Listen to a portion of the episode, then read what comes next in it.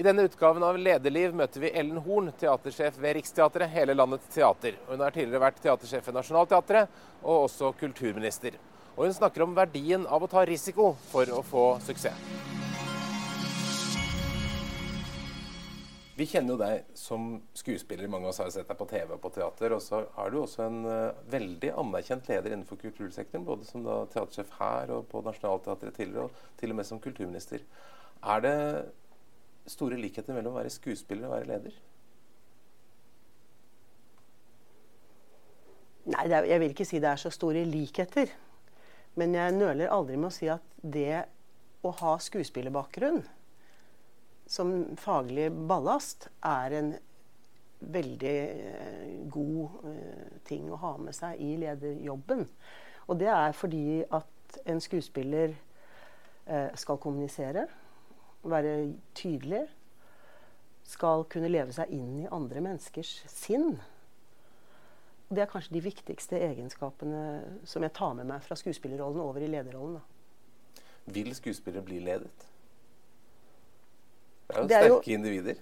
Det er også et veldig godt spørsmål. Uh, skuespillerkunsten er egentlig en kollektiv kunst. Det handler veldig mye om samspill og å lytte til hverandre og, og lagspill. Det er klart det er sterke personligheter, og det snakkes mye innenfor ledelse. Jeg har også holdt foredrag om det å lede blant primadonnaer og sånn. Eh, vil og ikke vil. Helt avhengig av ledelse. Eh, jo, jeg tror svaret er ja. Men, men, du må finne veiene til ledelse til skuespillere. Jeg har jo også prøvd meg litt på regi de siste årene. Og der må, det handler jo om ledelse. Regissøren er leder av en oppsetning.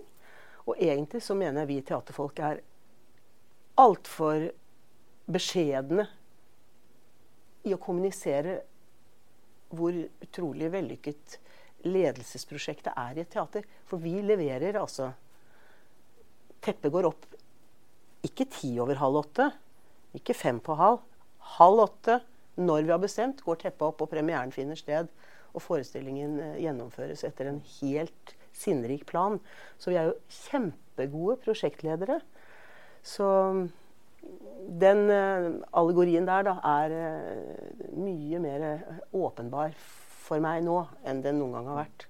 Men det å være leder for primadonnaer, altså det er jo flere og flere ledere som opplever det. At man har sterke individer med stor integritet og, og kanskje ikke alltid et sånn ønske om å bli ledet. Hva, hva er hemmeligheten ved å lykkes?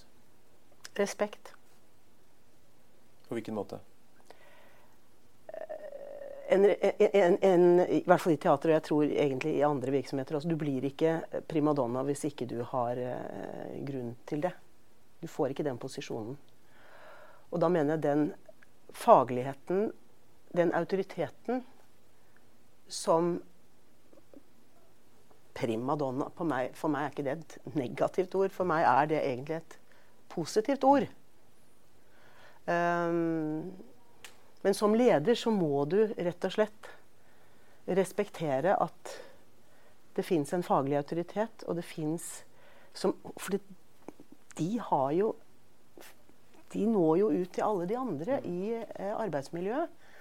Derfor så mener jeg det å spille på lag med primadonnaene, det gir deg et løft, og det gir deg eh, ja, mye lettere, større spillerom. Men eh, den danske forskeren Helle Hein som jo har skrevet om primadonnaledelse, hun sier vel at primadonnaene i størst mulig grad skal skjermes for ledelse? At de skal få lov å blomstre i fred? ja, jeg er jo ikke enig med Helle Hein i det. For jeg mener at uh, for å blomstre, så må det være rammer. Det må være det veldig mye lettere for en primadonna å eh, få fullbyrdet sitt potensial hvis rammene er tydelige og, og, klart kommunisert. Det at du selv er skuespiller og har vært en, eller er og har vært likemann med de du skal lede, er det en fordel? Ja, Det er jo også en krevende øvelse. Det var ikke veldig lett sånn over natten å bli leder for mine egne kolleger. og og, samtidig så får du en autoritet. Det følger jo veldig fort med den jobben. Um, men igjen så mener jeg det handler om respekt, og det handler veldig mye om ydmykhet. Altså å forstå. Å leve seg inn i den andres oppfatning av meg. Nå sitter jeg, og er blitt sjefen din. Og du vet like godt som jeg at vi var likemenn i går. Uh, jeg må helt, jeg, altså jeg tror kanskje at det å leve seg inn i hva den andre tenker, og å legge opp sin kommunikasjon i forhold til å se den andre innenfra og seg selv utenfra, hvordan jeg virker på den jeg snakker med, så, så har eh, det ikke vært så vanskelig, syns jeg, som man kanskje kunne tro. Og som mange fryktet da jeg ble sjef på Nationaltheatret første gang. Var det et bevisst ønske at du ble sjef? Du, hadde du drømt om å bli sjef? Aldri. Og det er sånn kors på halsen. Mange, dette, men dette er jo også et tema som, som opptar meg. fordi at jeg Jeg sier jo ofte at det var ved en tilfeldighet at jeg ble leder. Um, så er det jo ikke tilfeldig at jeg har vært tillitsmann i klassen da jeg var liten, og ble valgt inn i diverse styrer. Jeg var, satt, hadde mitt første styreverv som veldig ung skuespiller på Oslo Nye Teater med Rolf Stranger som styreleder. Så der fikk jeg min første opplæring. Det er klart at jeg har alltid tatt ansvar. Jeg, jeg har eh, vokst opp i en stor søskenflokk på fem to eldre brødre og to yngre søstre. Jeg vet ikke, En slags en diplomatisk ønske om at folk skal uh, samvirke godt. Og, så det, sånn sett så er det vel ikke tilfeldig. Men jeg ble altså valgt ved håndsopprekning på malersalen på Nationaltheatret i en kritisk situasjon hvor teatret sto uten ledelse. Og dermed, etter det, så har ballen bare begynt å rulle. Og det viste seg for andre, og kanskje også for meg selv, at, at jeg hadde noen egenskaper som egnet seg i lederrollen. Er det noen spesielle situasjoner hvor du har følt deg som en veldig god leder? At du har lykkes? Åh.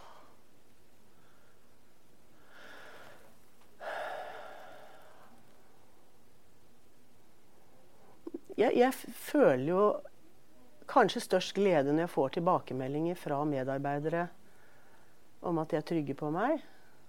At de tør å komme til meg med vanskelige personlige utfordringer.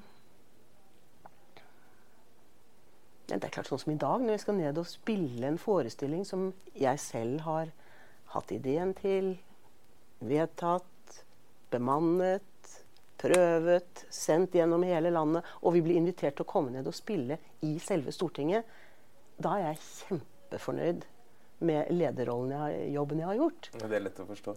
ja. Men uh, motsatt, er det noen Jeg regner med at du har gått på noen smeller også. Er det noen feil du har gjort som du har lært av som, som leder? Å ja, det er mange Jeg er et veldig sånn impulsiv, impulsivt menneske. Og, og har voldsom energi. Det, det skjønner jeg. Og, og, og, jeg er en duer. Um, og jeg vil at ting skal bli noe av. Og det er kanskje både min sterkeste side og min uh, største svakhet.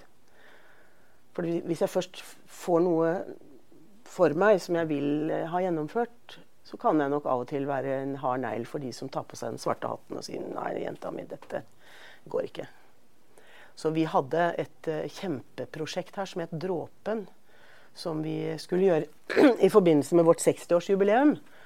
Og hvor vi eh, tenkte istedenfor å lage mange små forestillinger, skulle vi lage en svær, rulle ut liksom en diger forestilling med nysirkus og spille i idrettshaller, og det skulle ha miljø, eh, miljøtema eh, for barn og familier. Og det, det var så svært, og det vokste oss helt over hodet. Og at det gikk bra, det eh, er nok andre enn meg å takke for. Men vi lærte jo hele organisasjonen lærte.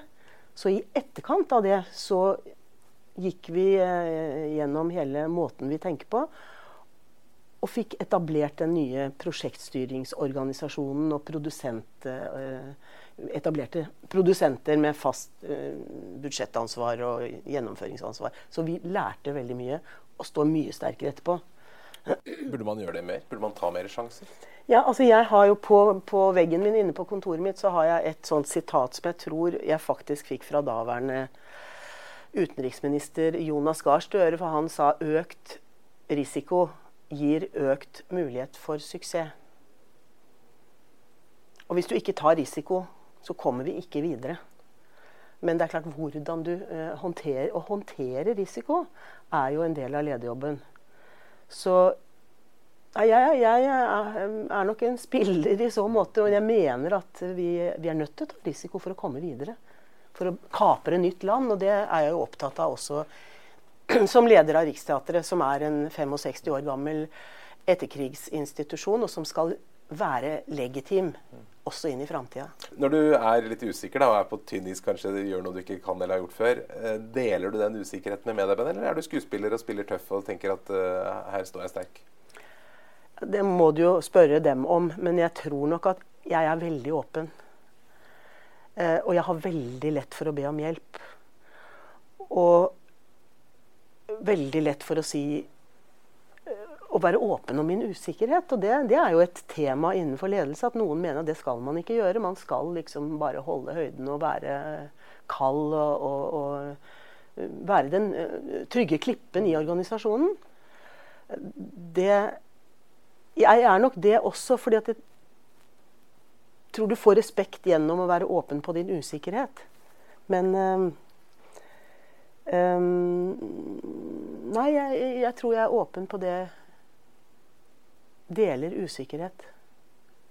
Og jeg mener at det er bra. Mm. Dere har jo en um, visjon som er ganske stor om store opplevelser og fulle hus. Altså verdier, mode, inkluderende, mangfoldig inspirerende. Mm. Hvordan bruker du disse tingene? Er, er det viktig verktøy for deg i ledelse? Det er kjempeviktig. Jeg tror kanskje at jeg var en av de første lederne i, i, i norsk teater, i hvert fall, som begynte å arbeide med strategi. Jeg hadde et veldig sterkt styre på Nationaltheatret. Da jeg overtok der, var jo også etter en krise. Og da sa styret her må det mm, lages en strategi. Og alle lo og klasket seg på lårene. Det var vanskelig å selge inn de skuespillerensemblene. Sånn. De blåruss-stempelet fikk du jo før du hadde snudd deg.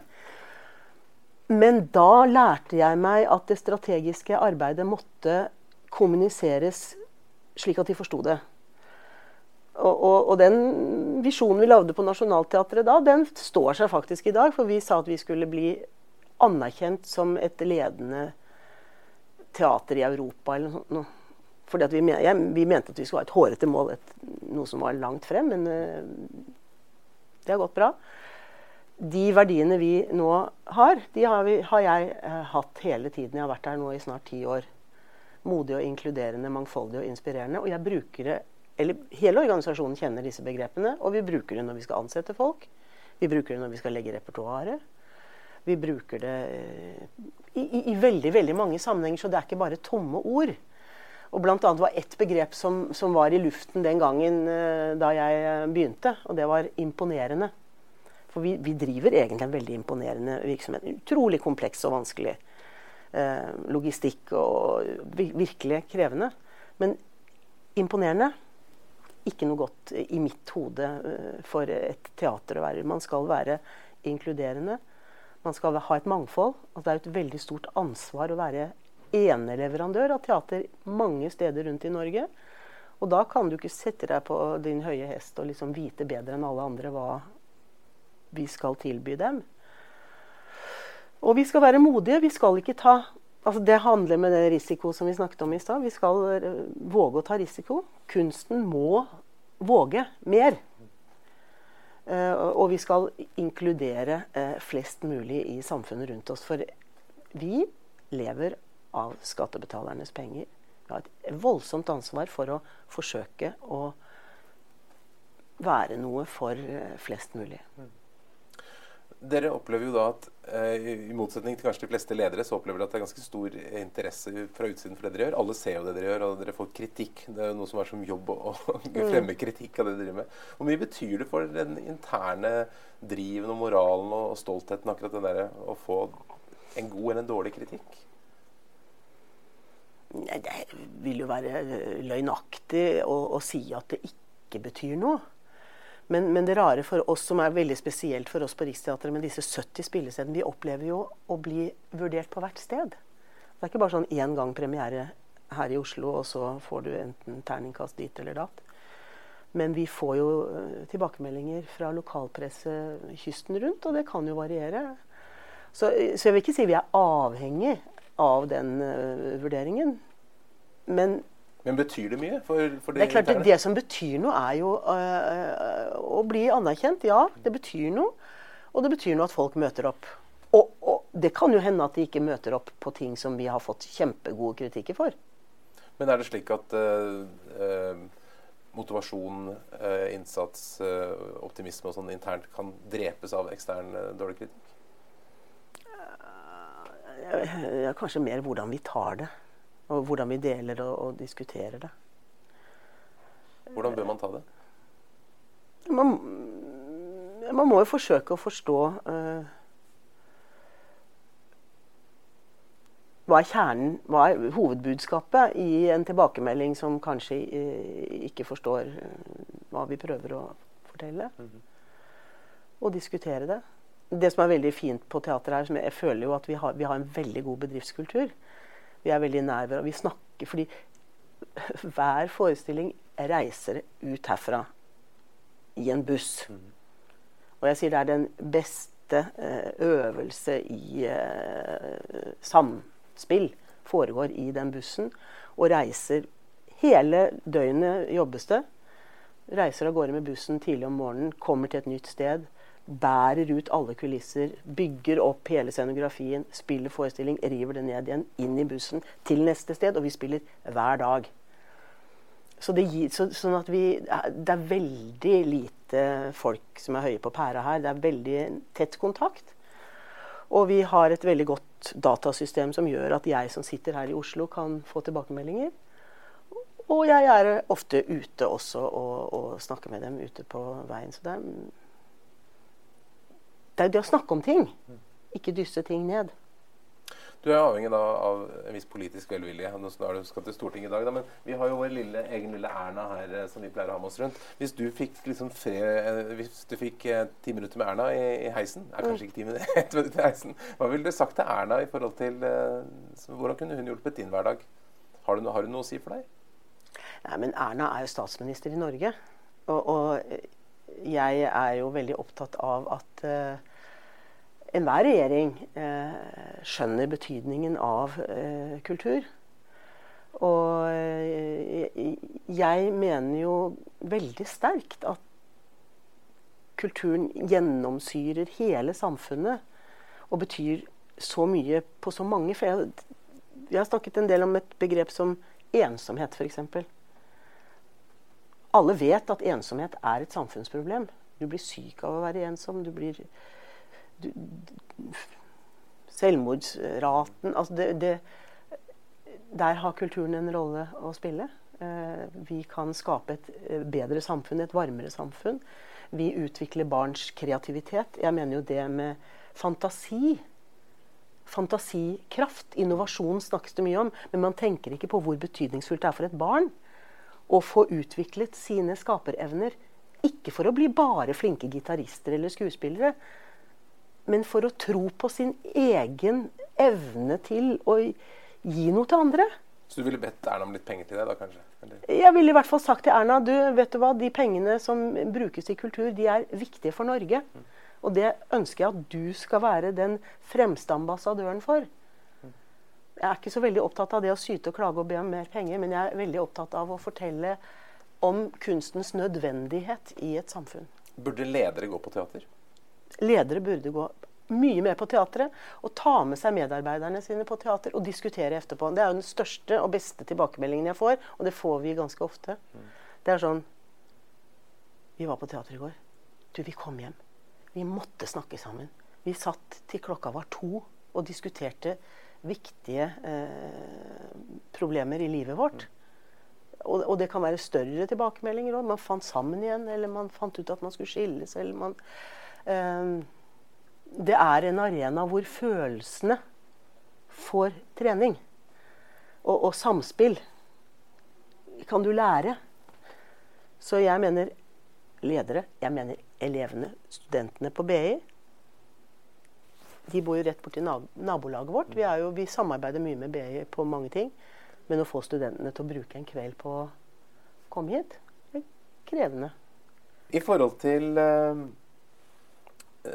Jeg vet at det noen ganger er samarbeid mellom, mellom dere eller mellom skuespillere generelt og bedrifter osv. Hva mener du at ledere har å lære av skuespillere? Burde man, det, er, vel- en del sånne praktiske ting i forhold til f.eks. Eh, fremtoning og stemmebruk og sånn som, som ledere kanskje har noe å hente på? Eh, stemmebruk. Eh, presentasjon. Det er jo sånn som jeg ofte tenker også i eget hus. Jeg har så lyst til å ha et kurs. Du skjønner det, vennen min, at hvis du skal få gjennomslag for den saken der, så må du gløde litt mer. Snakke litt høyere og tydeligere. Være mer Se inn i, i folka du snakker med. Der har vi jo helt opplagt en, en eh, viktig jobb vi kunne gjøre. Og som mange har mye å lære på. Ikke minst damer som snakker oppi der hele tida. Veldig mange damer som snakker sånn. Og det er så vanskelig å høre når du ikke finner din egen frekvens på stemmen, f.eks. Så hvordan bør damer angripe det? Nei, de bør eh, snakke med fagfolk og, og, og slappe litt av i kroppen og, og bånde litt mer, da, som vi sier på teatret. Vi har jo masse øvelser for det. Bånde litt? Bånde litt.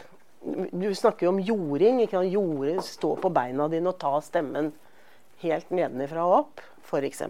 Har det hjulpet deg? Det har hjulpet meg. Jeg kjenner jo når jeg begynner å gå i pitch Jeg vil ikke si at jeg aldri gjør det selv, men øhm, ja. Hvis du skulle gitt råd til en ung person som skulle begynt en lederjobb i dag, hva ville det vært ditt viktigste lederråd? Vær deg selv. Bruk ørene. Prøv å lytte godt, og bruk skjønnet ditt og magefølelsen din. Og så har jeg også veldig opptatt av at en organisasjon skal ha både folk som kan finne på, og folk som kan passe på. En god balanse der. Har du spilt noe skuespill nå i det intervjuet her? Med deg? Ja. Kanskje den. Tusen takk.